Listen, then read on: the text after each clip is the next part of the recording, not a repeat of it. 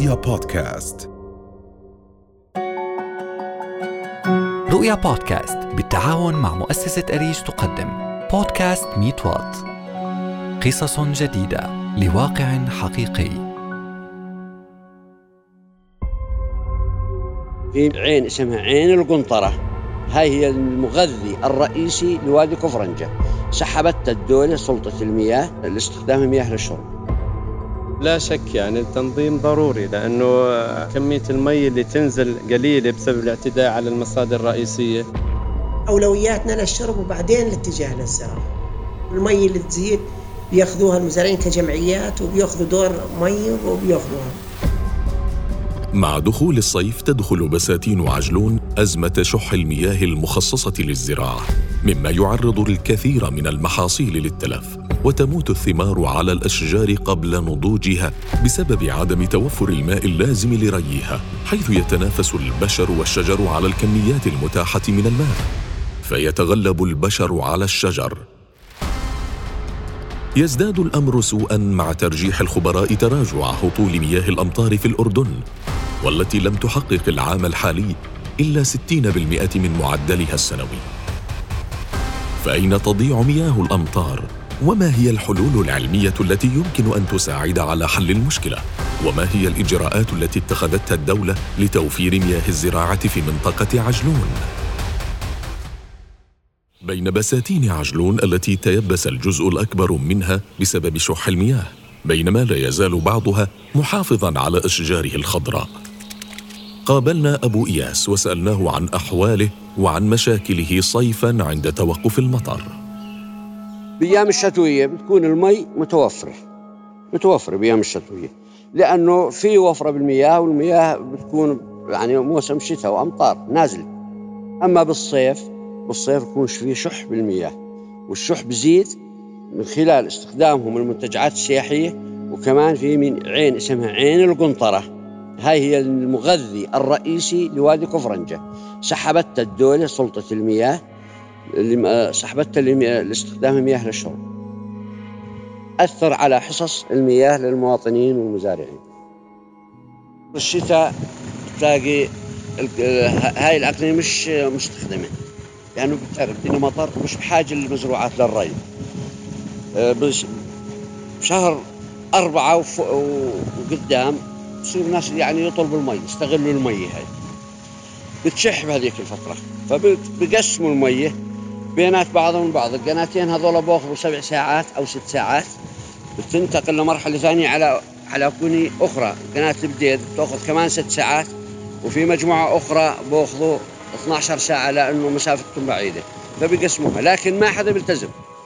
لما تطيح المي لتحت برجع صاحب القناة هاي بكسرها أو صاحب القناة هاي بكسرها.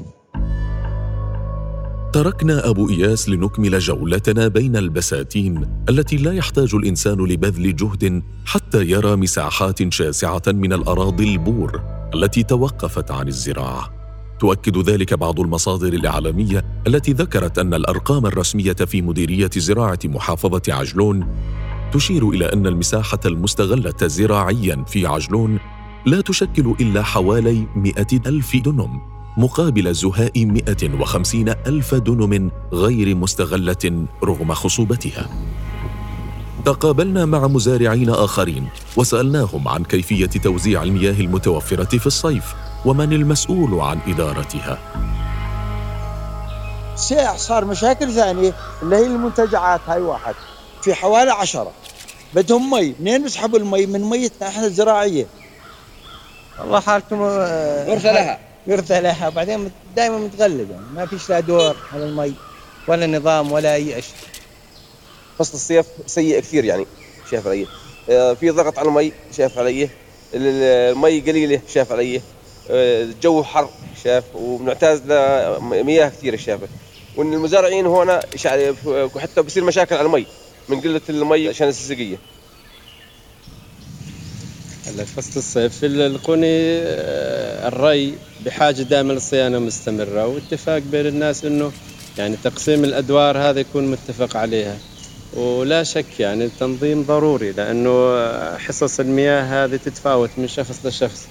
وفيها ظلم لما يصير يعني كمية المي اللي تنزل قليلة بسبب الاعتداء على المصادر الرئيسية. فهذا بيؤدي إلى يعني قلة في الإنتاج وظلم للشجر يعني اللي بحزن. إحنا بنعتني في الموسم الثمري من السنة للسنة. لما يصير في نقص في الري فإحنا بنخسر الموسم الثمري كله فبدها عدل والله وضع المزارع إنه تحت الصفر إذا في صفر إذا في أقل من الصفر صفر اثنين مية نهاية يعني كلها رايحة وين؟ لتبعين البرك هاي اللي قعدوا كل آه، 200 متر يسوي بركه مشان يسوي على ثورنا على ثور المزارعين يسوي شو؟ آه، مصاري على ثورنا ليش طيب؟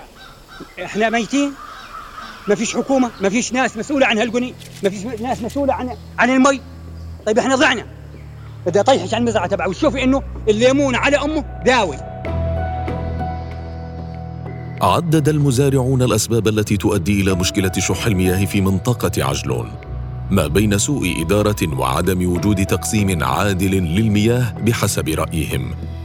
فهل هناك حلول علمية تساعد مزارعي عجلون على ري بساتينهم بصورة ترشد استخدام مياه الزراعة؟ وما هي أولويات استخدام المياه؟ توجهنا بسؤالنا إلى مساعد المدير العام لشؤون البحث بالمركز الوطني للبحوث الزراعيه الدكتور نعيم مزاهره. يعني إحنا أولوياتنا للشرب وبعدين الاتجاه للزراعة. وبالتالي منطقة عجلون كان فيها ينابيع كانت سابقا يعني عدد السكان كان قليل كانوا يشربوا والمي اللي تزيد بياخذوها المزارعين كجمعيات وبياخذوا دور مي وبياخذوها. ممكن يعمل بعملية تخفيف من التبخر بعد كل ري يعني هو بجوز برويله مرة بالأسبوع أو مرتين فبعد كل ري ممكن إنه يعمل يعمل ملش يغطي سطح التربة المبللة حتى يخفف من التبخر أو إنه بقايا أعشاب أو قش يحطها على السطح اللي تخفف آه، من هاي شغلة الشغلة الثانية إذا كان هو ري سطحي يتحول للري بالتنقيط. الري بالتنقيط بيعطي كميات يعني محددة في وقت محدد في مكان محدد وبالتالي بنرفع من كفاءة استخدام المياه بشكل جيد. اذا هناك بعض الحلول العلمية التي توفر من حجم المياه المستهلكة في الزراعة وتراعي المشكلة العامة المتمثلة في انخفاض معدلات هطول الأمطار على المملكة. ولكن هل هناك خطط حكومية تنموية تساعد مزارعي منطقة عجلون ليتمكنوا من الاستفادة القصوى من بساتينهم؟ حملنا هذا السؤال إلى الناطق الإعلامي باسم وزارة المياه السيد عمر سلامة. في عدد من المشاريع اللي هدفها تأمين كميات مياه إضافية لتحسين التزويد المائي بمحافظة عجلون من خلال نقل كميات مياه إضافية من مناطق الشمال لتعويض النقص الشديد في المحافظة. إحنا بنعرف إنه آه، مصادر المياه في المحافظة تراجعت بشكل كبير. أيضا لدينا خطة لرفع طاقة مثل ما ذكرت تحلية المياه من سد كفرنجة رفعها إلى 500 متر مكعب. بالساعة يوميا وهذا سيؤدي إلى تحسن الوضع في مناطق المحافظة. بحسب السيد عمر سلامي تعمل الحكومة على توفير كميات إضافية من المياه بنقلها من محافظات الشمال إضافة إلى رفع كفاءة محطة تحلية المياه في سد كفرنجة. لمواجهة الطلب المتزايد على المياه للاستخدام الآدمي والاستخدام الزراعي كما تشجع الحكومة المزارعين على استخدام وسائل الري الحديثة بتوفير قروض ميسرة لتمويل عملية التحويل إلى نظام الري بالتنقيط حتى يمكن استخدام المياه بشكل يراعي المشكلة الكبرى التي يتعرض لها الأردن من نقص في كميات مياه الأمطار. وحتى تكتمل تلك الخطط والبرامج وتتحول إلى مشاريع على الأرض.